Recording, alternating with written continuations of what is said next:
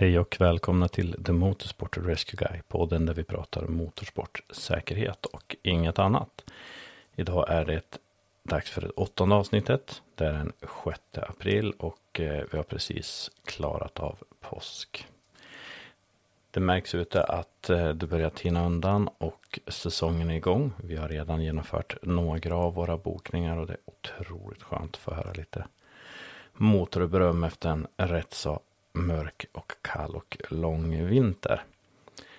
I dagens avsnitt tänkte jag att eh, nu när vi ändå haft påsk och ätit ägg så tänkte jag att vi ska prata om just ägget, om huvudet. Vi ska prata om hjälmar. Vi pratade ju lite här i ett föregående avsnitt om just eh, nackskador och hjärnskakning. Och jag tänker att eh, vad är bättre då än att faktiskt eh, våga prata lite om hjälmar som faktiskt kan vara en del i systemet att skydda oss. Eh, hjälmar är ju ett litet komplext område. Det är ett ibland lite infekterat område. Och jag märker att det finns mycket okunskap just kring hjälmar och vad det finns för standarder, hur de testas och hur de skyddar oss. Men min förhoppning är att vi idag ska kunna i alla fall reda ut lite av de frågetecknen. Hjälmar rent krass kan väl delas upp egentligen i två delar. Vi pratar öppna jättehjälmar och vi pratar stängda integralhjälmar. Sen finns det lite hjälmar som ligger någonstans mittemellan. Bland annat Stilos rallyhjälmar med sin båge. Som man ofta ser i rally och rallycross främst då. Som brukar föredra öppna hjälmar. Men eh, så här har ju inte alltid hjälmarna sett ut. En gång i tiden så var ju faktiskt, som vi nämnde lite i avsnitt 6, eh, att den första hjälmen som kom, det var ju en läderhuva. Och syftet med läderhuvan var ju att skydda oss från eh, saker som sprätte utifrån, det vill säga små stenar, insekter, eh, annat som, som var jobbigt att utsätta oss för. Och till denna underbara läderhuva kompletterade med ett par glasögon. Och här har ni sett den klassiska bilden på racerförare från 10, 20, 30-talet som framförde fordonen i kortärmade vita skjortor, en läderhuva på huvudet och lite skyddsglasögon. Och vi har ju gått en bit sedan dess. Sen efter det så upptäckte man ju att en mjuk hjälm är ju kanske inte den bästa hjälmen. Så det var faktiskt de som började göra hjälmar i papp, i typ papirmaché. Om ni kommer ihåg eran eh, lågstadietid i skolan så kunde man ju få hålla på med det. Och eh, man insåg helt enkelt att stenar och sånt som sprätter gör ju lite ont. Det kan ju vara skönt att ha någonting som är lite hårdare. Och det är ju faktiskt pappen kontra läder. Så att eh, vips så var vi inne på hjälmar som egentligen huvudsakliga skydd var att skydda från, från stenar, ja, små bildelar som kunde släppa insekter och så vidare. Men eh, under den här resans tid så börjar man inse att hjälmen fyller ju även en funktion att skydda mig om jag slår mig. Och eh, då började ju man arbeta med mer plaster i hjälmarna för att eh, när plasterna kom in för att på det sättet kunna skydda mig mot slag som kunde uppstå när jag kraschade till exempel. Och eh, där börjar ju resan till den moderna hjälmen på något sätt och sen så ser vi hur vandringen gick från öppna hjälmar till hjälmar som var stängda. Till, eh, om vi tar 70-talet, 60-70-talet åkte vi med mycket hjälmar med liten siktyta, främst amerikanska hjälmar. Simpson var ju bland annat rätt så stor då i F1 till exempel. Och eh, sen så gick ju vandringen till hjälmar med större öppningar, större siktyta, i alla fall för de europeiska hjälmarna. Medan de amerikanska hjälmarna, de bibehöll sin begränsade siktyta. Och, eh, och så var väl egentligen ända fram tills Filippe Massa fick en, eh, ett litet metallföremål i huvudet under ett F1-lopp och eh, man insåg att den stora siktytan innebär ju också en större öppning att få in föremål eller skada mig. Så vips så gjorde man om hjälmarna på det sättet för Fias hjälmar att man längst upp på visiret klistrade fast en kolfiberstripp, en kolfiberremsa som skulle verka som en förlängning av hjälmens skyddsutrymme. Och det ser vi nu i nyare standarder att eh, FIA har gått tillbaka till det man hade en gång i tiden med små siktytor. Och på samma sätt som jänkarna alltid har haft med snällstandarderna små siktytor. Så där har det ju hänt otroligt mycket eh, i utvecklingen nu sista åren. Samma sak så har det hänt otroligt mycket i introduktionen av eh, kompositmaterialer, kolfiber eh, har inneburit väldigt mycket för hjälm. Tillverkningen, dels vikten kontra plast, men även hållbarheten kontra plast vid, vid smällar. Sen har ju också hjälmarna behövt ändra egenskaper helt enkelt baserat på att eh, man ska även kunna använda ett nackskydd. Och då ska du ju fästa nackskyddet i hjälmen och eh, därför så eh, var man tvungen att göra hjälmen mer förstärkt på sidorna för att klara av de fästena. Och det är väl egentligen en resa man kan säga man har gjort med hjälmar är att man har förstärkt sidorna högre och högre hela tiden. Eh, och där kan vi också se lite olika skillnader i testförfarande snäll mot FIA. Eh, nu har jag pratat snäll mot FIA. Det finns såklart andra standarder, men jag tänker vi kan beta igenom standarden lite. Dels har vi ju FIA då som är Internationella Bilsportförbundets standard.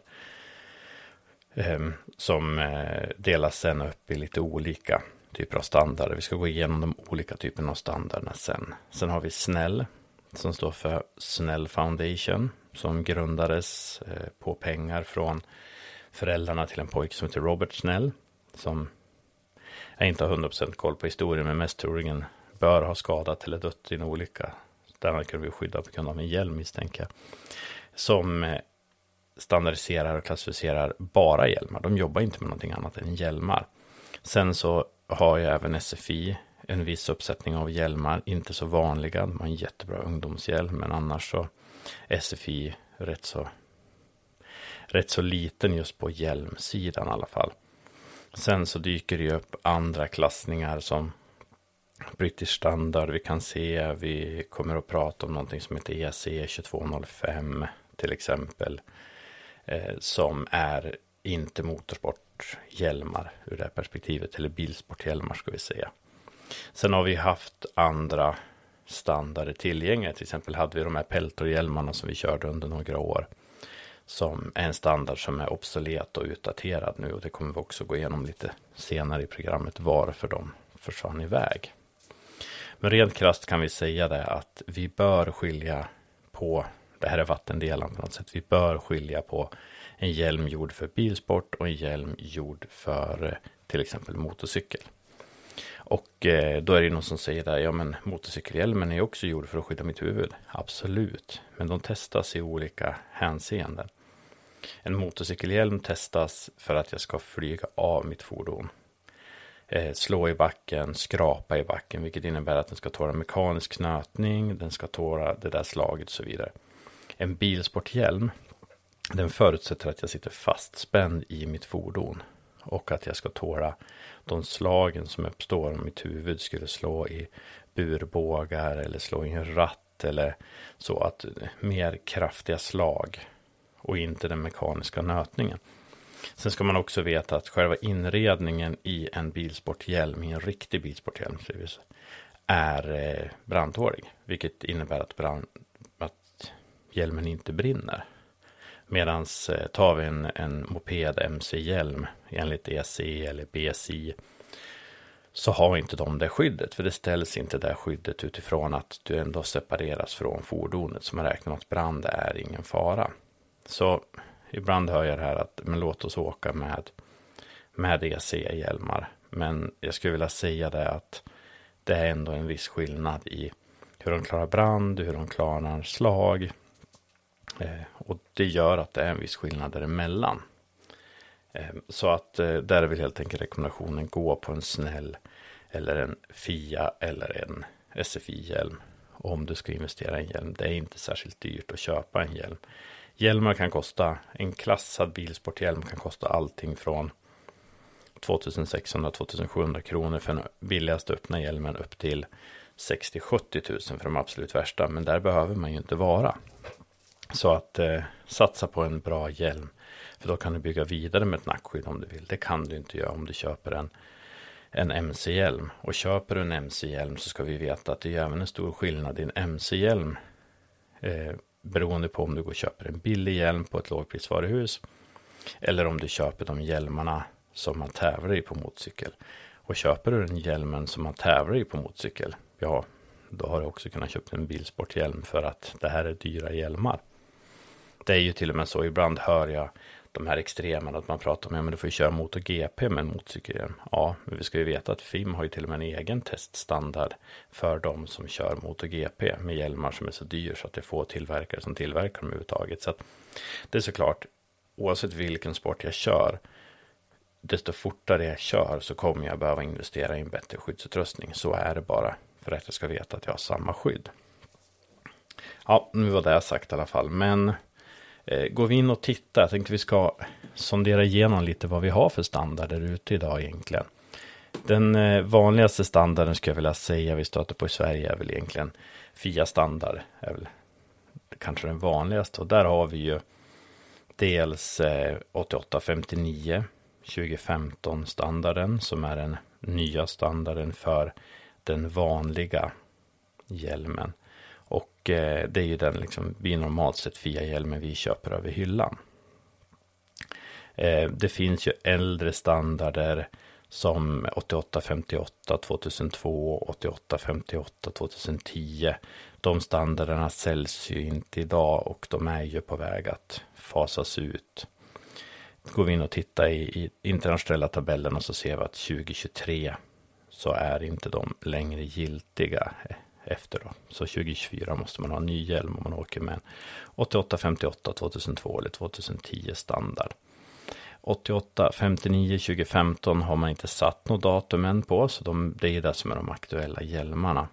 Sen har ju Fia även en avsevärt värre modell som heter 8860, som ofta brukar kallas för Advanced Helmet. Dels så har vi ju 8860 2004 och den är ju egentligen inte giltig i år. Så den försvinner ju nu. Eh, 88 60 2010. Den är giltig fram till 2028 så den är giltig ytterligare åtta säsonger då. Och sen så har vi ju även den senaste standarden 88 60 2018 de här advanced helmet kommer jag nämna, men de är väl egentligen inte så relevant, för här pratar vi prislappar 40, 50, 60 tusen för en hjälm. På advanced helmet så finns det även en som heter 8860 2018 ABP som står för Advanced Ballistic Protection. Och det är egentligen det vi pratar om med Filippe Massat. Den har en ännu mindre siktyta på. Den används, eller krävs väl egentligen idag bara i F1, F2, F3 tror jag och eventuellt om det formuleringen krävs i. Men den, det är ju det är ju en väldigt exklusiv hjälm och det är väl ingenting vi kommer att stöta på vanligtvis. Men ser ni ABP vet ni att det är Advanced Ballistic Protection. FIA-standarderna är ju uppbyggt så att säga eh, att eh, de sätter ju sina datum. De bestämmer helt enkelt bara när datumen den här utrustningen ska fasas ut. Så att det är ingenting man kan förutse att det är, att den är giltig 10, 11, 12 år eller så, utan det är när man ser att man vill fasa ut det så fasar man ut det. Ehm, Fia har ju, finns ju tillgänglig eh, både i öppen och stängd hjälm. Eh, du kan inte få eh, till exempel den där ABP i öppen hjälm, för det är gjord för att köra formelbil till exempel. Men det finns ju öppna hjälmar för rally, rallycrossen till exempel. Min rekommendation är ju att i största möjliga mån åk med stängd hjälm. Det ger er ett ökat skydd. Det skyddar luftvägar, skyddar extra vid brand. Eh, så det är ju kanonbra. Däremot vet jag att många väljer att vilja åka med en öppen hjälm för man ser mer, eh, lite bättre sikt, det kyler lite mer och så vidare. Men tänk på skyddet och fundera på hur länge man kör. Och sen eh, finns det ju alltid system, friskluftsystem och sånt du kan komplettera om du tycker att det blir varmt eller så. Så det finns bra lösningar för det. Nästa standard vi dyker, dyker på i Sverige är ju Snäll. Och Snäll, deras eh, motorsportstandarder eh, benämns ju SA. de har även en standard som heter Snäll M som är för motorcykelhjälmar. Den är inte giltig. Den är faktiskt inte giltig ens att köra motorcykel med i Sverige eller Europa. Så eh, då är det Snäll SA och här har man ett lite enklare system för heter de Snäll SA 2010 Snäll SA 2015 och så nu har vi precis börjat rulla ut Snäll SA 2020 hjälmar ut på marknaden. Och eh, det finns även en som heter SAH 2010. Och det var egentligen en modell som man sa den här är mer lämpad för hybrid och Hans. Men eh, alla de här standarderna är eh, giltig för det. De här finns också i öppna och stängda versioner. Och eh, mitt tips är försök köpa en med så högt årtal som möjligt. Ibland så får jag förare som hör av sig till mig. Jag är lite irriterad för de har varit på tävlingar eller de har varit på mässor och så har de fått ett jättebra pris på en hjälm. Och så ringer de och så är de irriterade varför deras hjälm inte är giltig om två år. Och det de har gjort då är att de alltså gått och köpt en hjälm av en återförsäljare som håller på att rensa ur sitt lager och som har eh, gamla standarder på hjälmar. Och det är såklart att hjälmen blir billigare. Problemet är bara att du kanske kan åka med den här hjälmen i två, tre år och sen efter det då måste du köpa en ny hjälm. Så den blir ju i teorin dyrare. Så tänk på det att eh, välj hellre en hjälm med högre standard även om det kostar någon krona mer.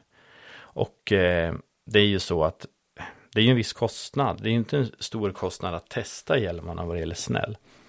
Men det är en stor kostnad att ställa om tillverkningen till ny standard. Alltså att göra nya gjutmallar, nya processer och så vidare.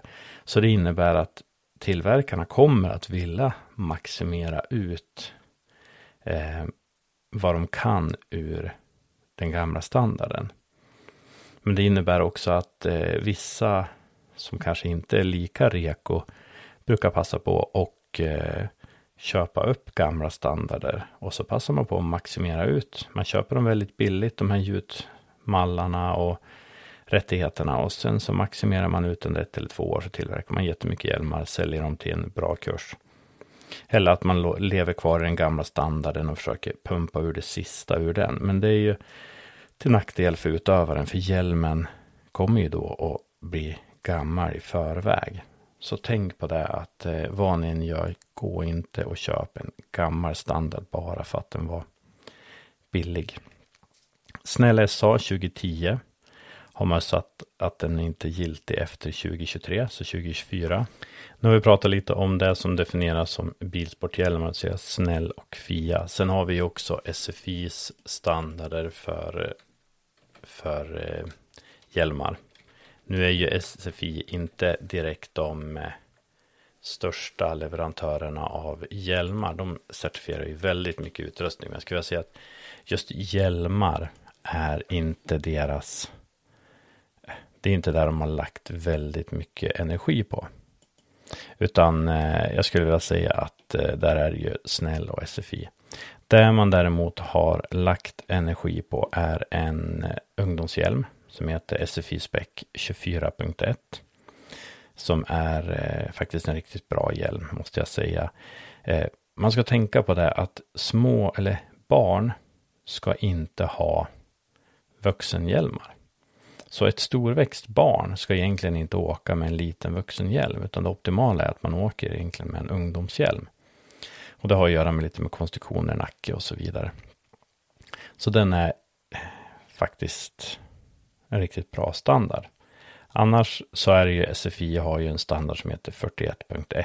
Jag kommer inte att lägga så mycket energi på den, för den är inte den vanligaste standarden vi stöter på på den europeiska marknaden, utan den lever kvar till viss del i USA, har den sin existens då. då. Sen så har vi pratat lite om BSI. BSI är en gammal standard eller British standard och är egentligen kan man säga Storbritanniens motsvarighet till eh, en eh, CM eller en S-märkning. Vilket innebär att det BSI gör är egentligen motorcykel och mopedhjälmar. Därför så ser vi att BSI försvinner från fler och fler reglementen och eh, är inte lämpliga hjälmar att använda. Samma sak pratade vi om EC 2205 eh, som är en MC mopedhjälm. EC 2205 är egentligen ingenting annat än en standard. Det är en formstandard för hur en hjälm ska se ut. När man gjorde EC 2205 så gick man in och tittade på hur är huvudet konstruerat? Hur är man designad? Hur ser knoppen ut? Och då insåg man att vi måste göra om någonting och då tog man fram EC 2205 standarden. Den är inte särskilt eh, applicerbar mot bilsport som vi sa tidigare. Så står ni i valet och kvaret, köp en snäll eller FIA-hjälm. Undvik att köpa en motorcykelmopedhjälm om ni inte ska åka motorcykel eller moped. Måste jag ju säga. Olika hjälmar för olika ändamål. Sen så eh, ser vi ju också lite äldre standarder. Vi vet ju till exempel peltorhjälmarna som jag nämnde att vi skulle prata lite om. Det som är med peltorhjälmarna är ju att idén bakom peltorhjälmen var ju att eh, för att minska nackskador så skulle vi ha lätta hjälmar och jag köper det tänket man hade när man kom med den hjälmen. Men sen dess så har, har eh, tekniken gått framåt och nu åker vi mycket med nackskydd och så vidare där vikten inte är lika beroende. Eh, det man såg som blev problemet med peltorhjälmarna var att man fick mycket sprickbildning runt nitarna för hakremmarna till exempel, vilket innebar att man fasade ut först den vita peltorhjälmen och sen så fasade man ut den, även den svarta peltorhjälmen från marknaden. Ehm, det är väldigt svårt att skapa nationella standarder för hjälmar, för även om vi har företag som är duktiga på att tillverka hjälmar, så är det fortfarande svårt att göra någonting bra just för bilsporten i en liten skala, för att man behöver volymen för att ha möjlighet att testa och se vad det är som fungerar och så. Så att jag tror faktiskt vi kommer att få leva med de här stora standarderna och det finns ju, det är därför jag är en förespråkare för Snäll, för Snäll har ett helt annat prisläge än vad Fia har till exempel. Ska jag köpa en rätt så bra hjälm med kolfiber eh, i skalet, eh, bra funktioner, bra komfort, så kommer jag att landa några tusen under om jag köper en snäll hjälm som har samma standard i, i hållfasthet och komfort som FIA-hjälmen har. Så det finns alternativ och det är därför alltså snäll är ju tillåtet i nationell eh, motorsport i Sverige. Så eh, titta gärna på snällhjälmarna också. Det är många som åker snällhjälmar tar utan att ens tänka på att de åker med det, för de kan ha dubbelstandard och så vidare. Så tänk på det här och tänk på att ha rätt hjälm rätt storlek. Hjälmen ska sitta fast. Den ska gärna sitta lite strävt på huvudet så den inte rör sig. Ehm, det är ju jätteviktigt. Ehm, låna inte en för stor hjälm utan ha en hjälm i din egen storlek. Åk med balaklava. Det finns vissa anledningar till det. Den första aspekten är ju hygienen. Det är otroligt mycket enklare att tvätta en balaklava än att försöka hålla en hjälm ren.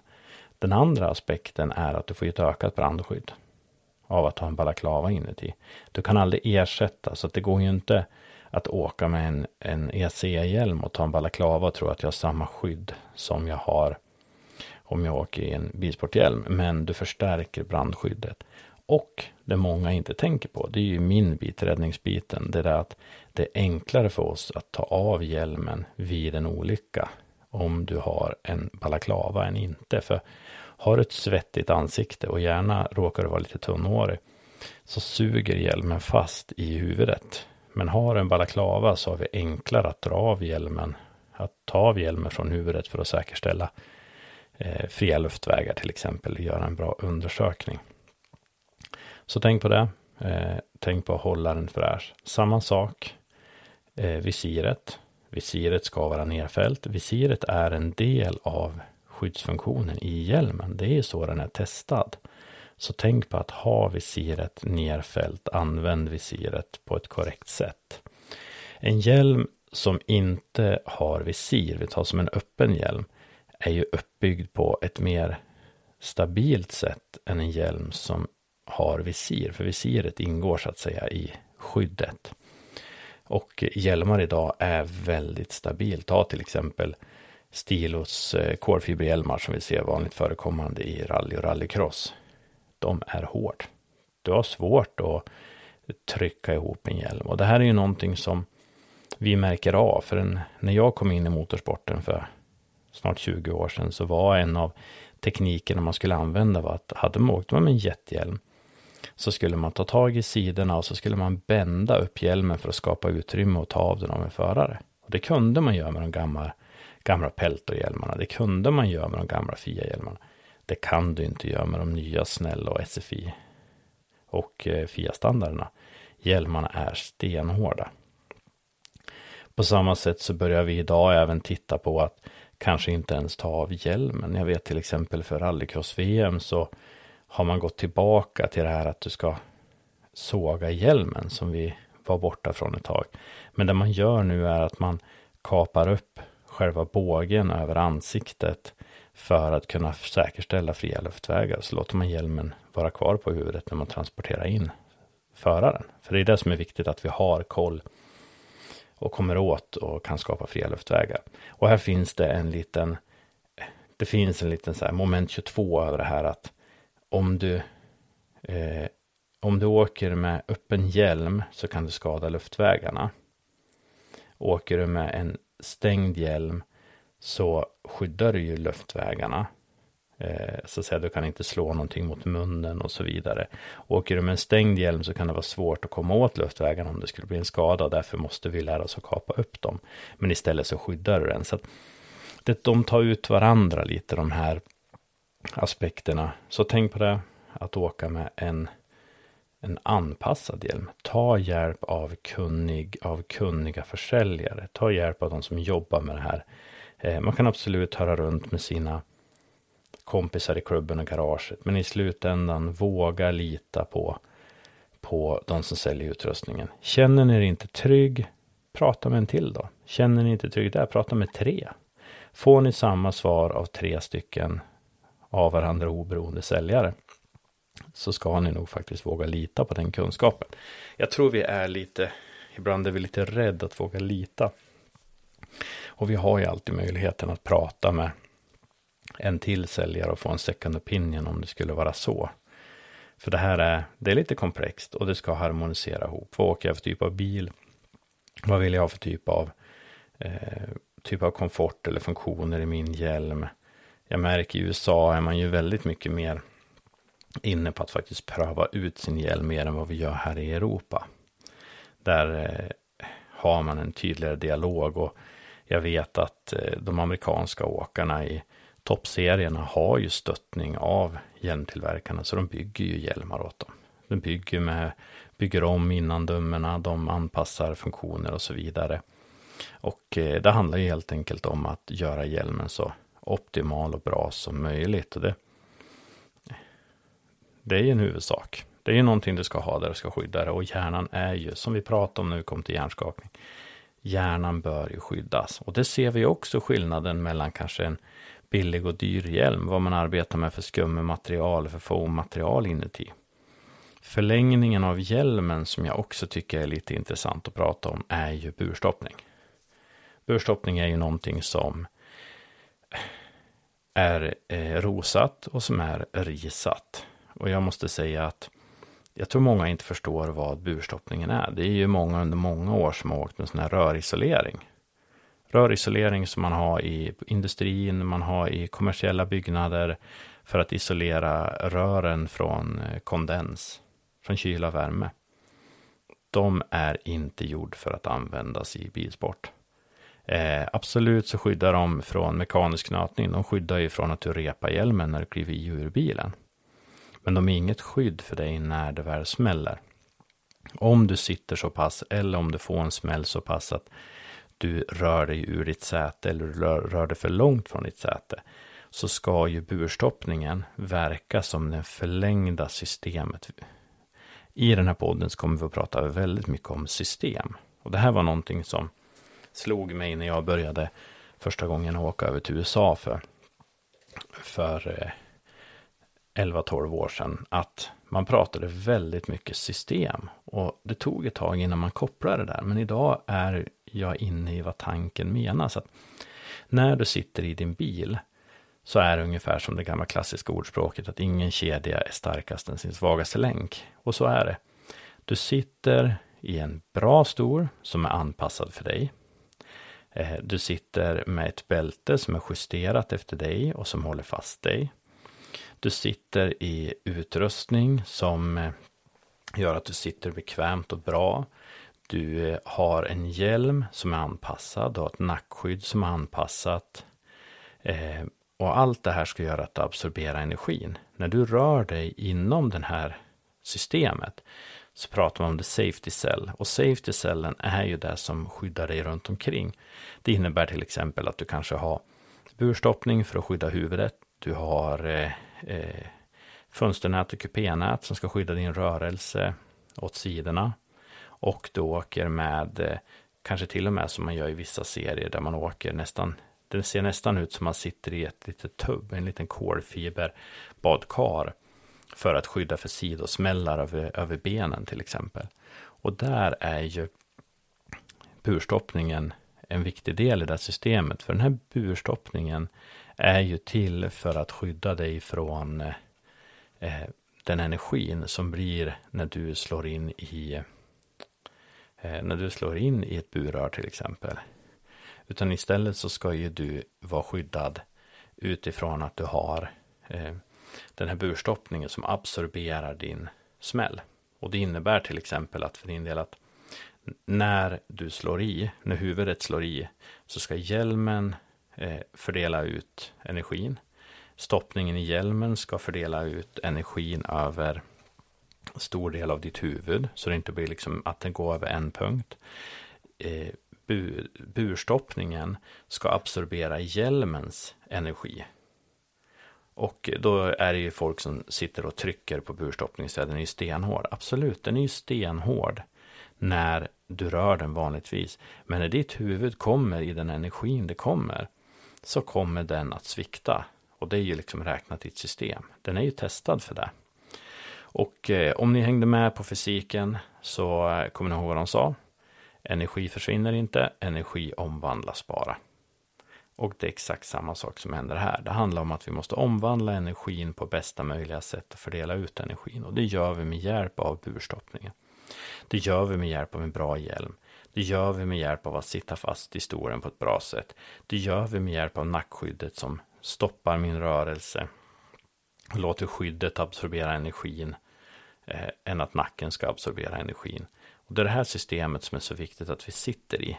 Och även om jag går och köper alla de här grejerna så handlar det ändå om att jag måste eh, ha dem eh, korrekt installerade i min bil. Åker jag med burstoppning men jag har för långt mellan burstoppningen och min eh, hjälm så kommer den ju inte att hjälpa. Om jag istället har eh, eh om jag istället har till exempel eh, för kort så kommer eh, det vara en komfortfråga för mig. Och det är där det handlar om. SFI burstoppning till exempel 45.1. Den är ju verkligen testad. Du har ju både SFI och Fias burstoppning. Eh, SFIs burstoppning är lite tunnare än vad Fias burstoppning är. Om man tycker att det är trångt. Eh, men den är ju gjord och den är ju testad för den här typen av energi. Så min starkaste rekommendation är att våga åka med den här. Och eh, ja, den kostar en krona men den är inte jättedyr och för mig som verkligen åker och tar hand om er som har gjort sig illa på tävlingar så måste jag ju säga att den här typen av utrustning tycker jag är otroligt bra eh, för att vi ska veta att det fungerar på ett bra sätt. Sen måste jag ju faktiskt säga att eh, ibland jag har sett exempel på när man till exempel eldar på den här med så här gasolbrännare. Och så den brinner ju, absolut. Men är det så varmt i bilen då kommer garanterat att du också ha fått allvarliga skador innan det. Så ni behöver inte vara rädd för eh, brandrisken i den här eh, paddningen. Utan tvärtom så, så är den gjord för att tåla det. Det vi också ska veta är ju att den här ska du ha på de ställena dit ditt huvud kan nå. Det är det som är själva funktionen med den. Och eh, tittar vi till exempel på testerna som är gjord så eh, har man ju testat att elda på den med 790 grader plus minus 40 grader då, så ända upp till 830 grader under testfasen. Och då ska den klara Eh, då ska den ändå klara den värmebelastningen under eh, ja, under ett bra tag. Så du hinner ju ändå ta dig ut ur bilen. Eh, och det är ju den stora skillnaden. Eh, eh, jag ska se här, jag sitter faktiskt och läser dokumentet nu. Och det står faktiskt att the padding shall be subjected to the thermal load for a period of 15 plus minus 1 seconds. Det innebär alltså att du ska elda med den här lågan som ska vara 790 grader i 15 sekunder plus minus en sekund så upp till 16 sekunder. Eh, med ett avstånd på en till en och en halv tum. Så att du ska i princip elda rakt på materialet i 16 sekunder. Din Fia Overall klarar 10 sekunder. Så att eh, i den typen av värme så jag skulle vilja starkt rekommendera att du har varit ute ur bilen innan den där börjar brinna. Annars har du själv blivit skadad. Så att det är ingen fara om man tittar så. Men jag tror det finns lite okunskap och att eh, man många gånger inte går in och läser standarderna. Är ni intresserad av att läsa lite av de här standarderna så kan jag starkt rekommendera till exempel gå in på FIA och läs på deras technical regulations.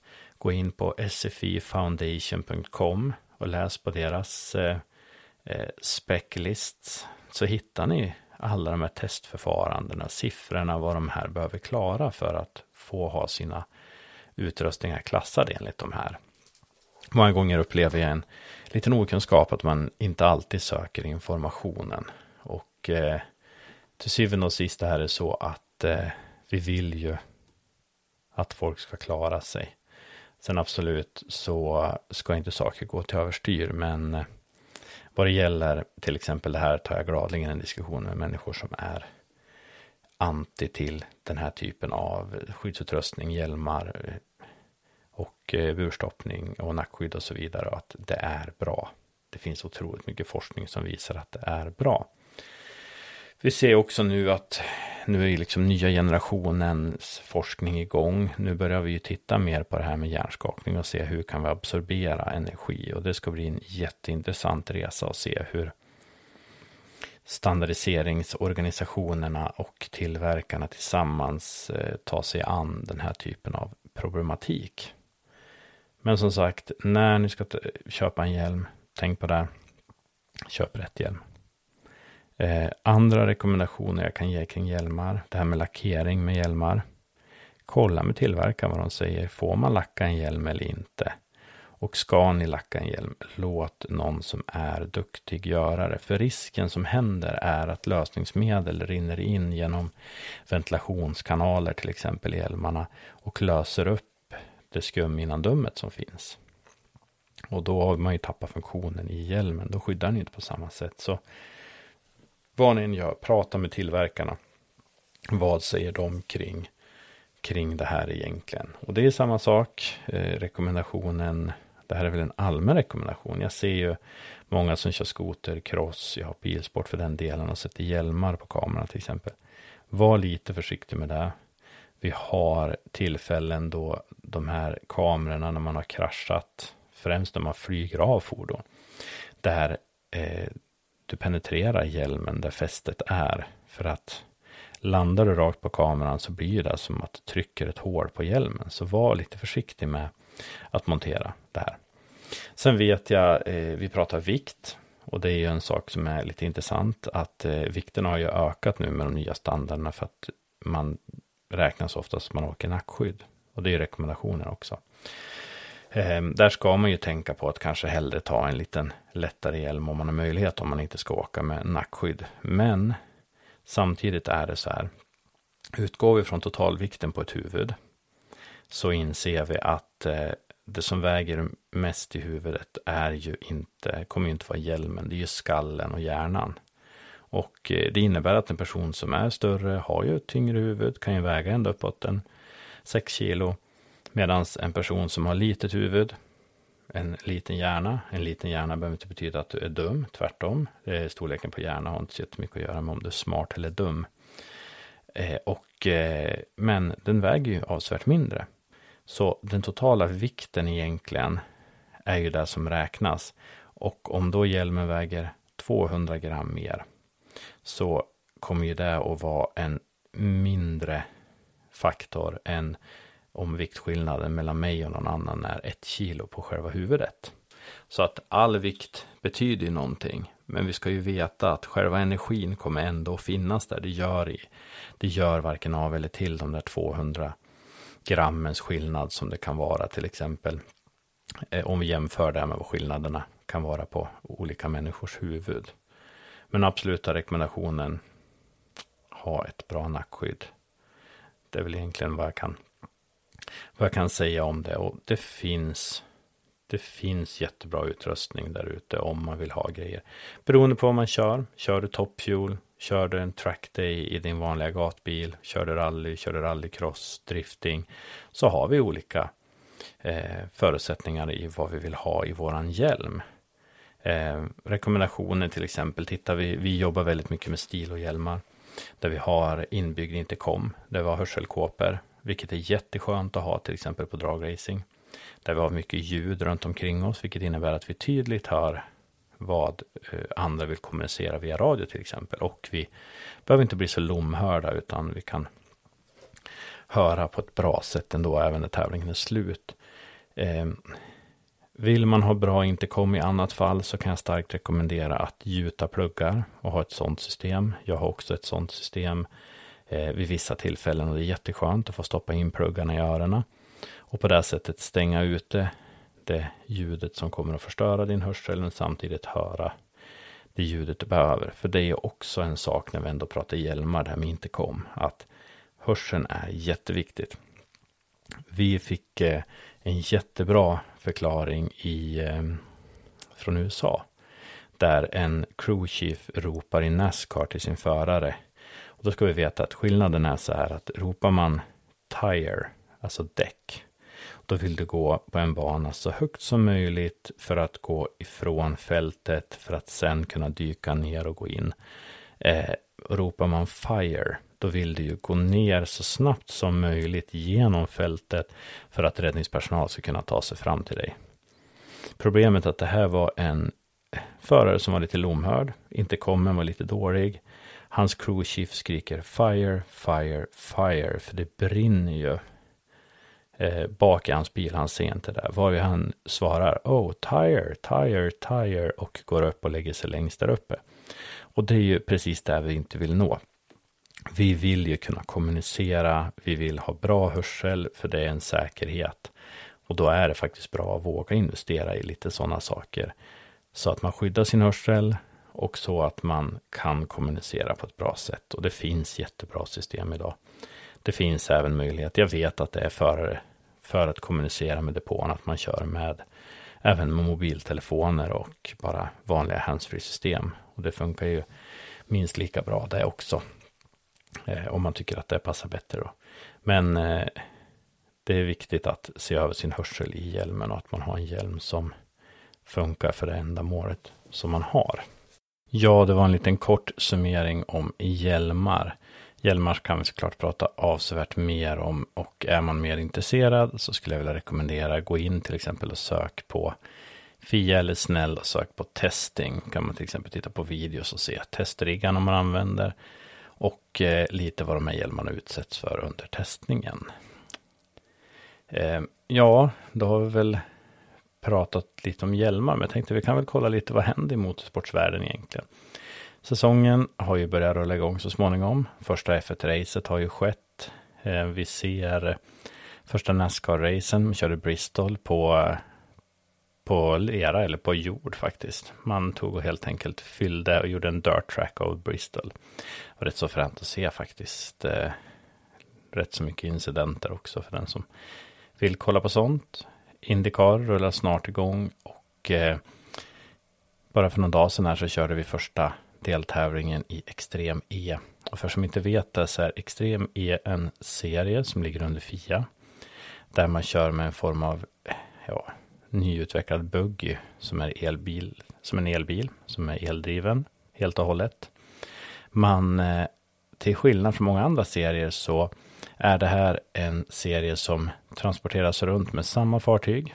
Hälften av fartyget ska stå för transporten och hälften av fartyget ska stå för forskning och så ska man åka till områden där eh, man är mer utsatt av klimatet och nu var man ju så att säga i Mellanöstern och körde i ett ökenlandskap. Men man ska även till djungel och jag tror, om jag inte missminner helt fel, så ska man också upp över mot Grönland och köra i den typen av, av klimat och landskap.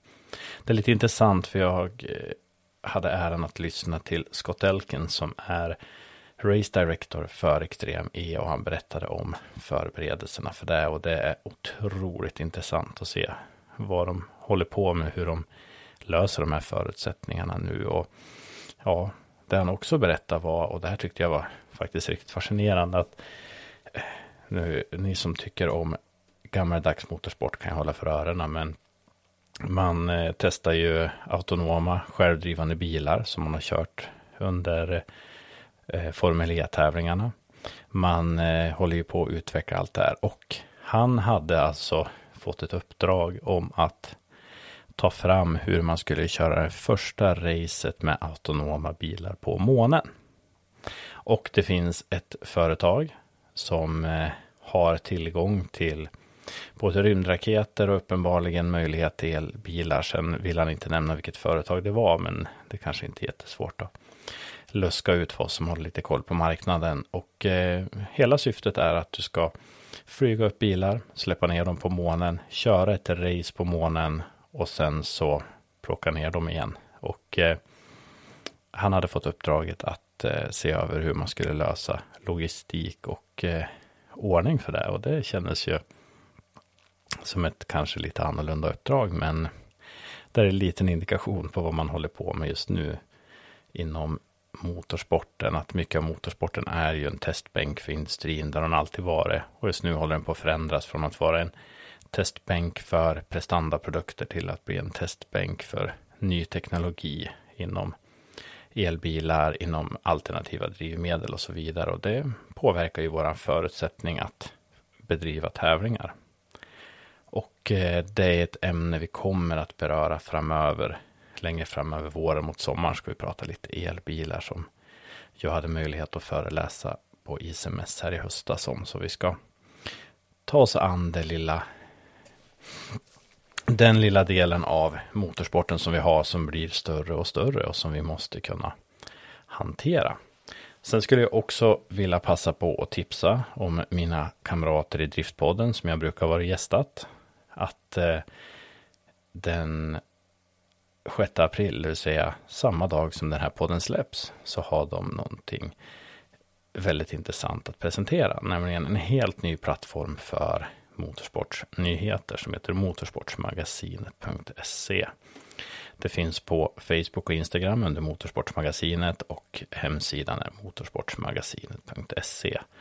Så eh, mitt tips är gå in och kolla på det, gilla och följ och eh, titta vad de håller på med där. För det kommer säkert bli väldigt intressant. Att jag vet att Henke och Christer och Robban och de som står bakom det är riktiga motorsportsfanatiker och duktiga på det de gör. Och eh, det ska bli otroligt intressant att se vart den sidan hamnar någonstans. För min del så eh, börjar säsongen nu flytta igång och vi börjar dra ihop oss mot de första testerna Eh, och eh, de första eventen. Så att eh, vi är full gång att rigga ordning våra bilar och ge oss ut på vägarna. Och det ska bli jätteintressant. Första tävlingen för min del kommer att bli Dots Drift Break som sker vid eh, sista helgen i april på Mantorp Park när vi kör första deltävlingen i SM i drifting som går under Gatubils regi i år i Swedish Drift Championship by Gatubil. Och eh, även Dots Drift Break som frikörning då, så det ska bli riktigt, riktigt intressant att komma ut och höra lite motorer som brummar. Jag skulle också vilja tipsa er om att ni har väl passa på att gå in och prenumerera och gillade Motorsport Rescue Guide på Facebook och Instagram så missar ni inte när vi släpper nya saker. Har ni tips och idéer, var inte rädd för att skicka meddelanden. Eh, ris och ros, samma sak där. Så eh, ska vi försöka göra det bästa vi kan av saken. Men eh, får väl tacka er för att ni tog er tid den här veckan och lyssna på mig. Och nästa vecka så får vi se vad spännande saker om säkerhet vi kommer att prata om. Och till dess så säger jag bara ta det säkert så hörs vi.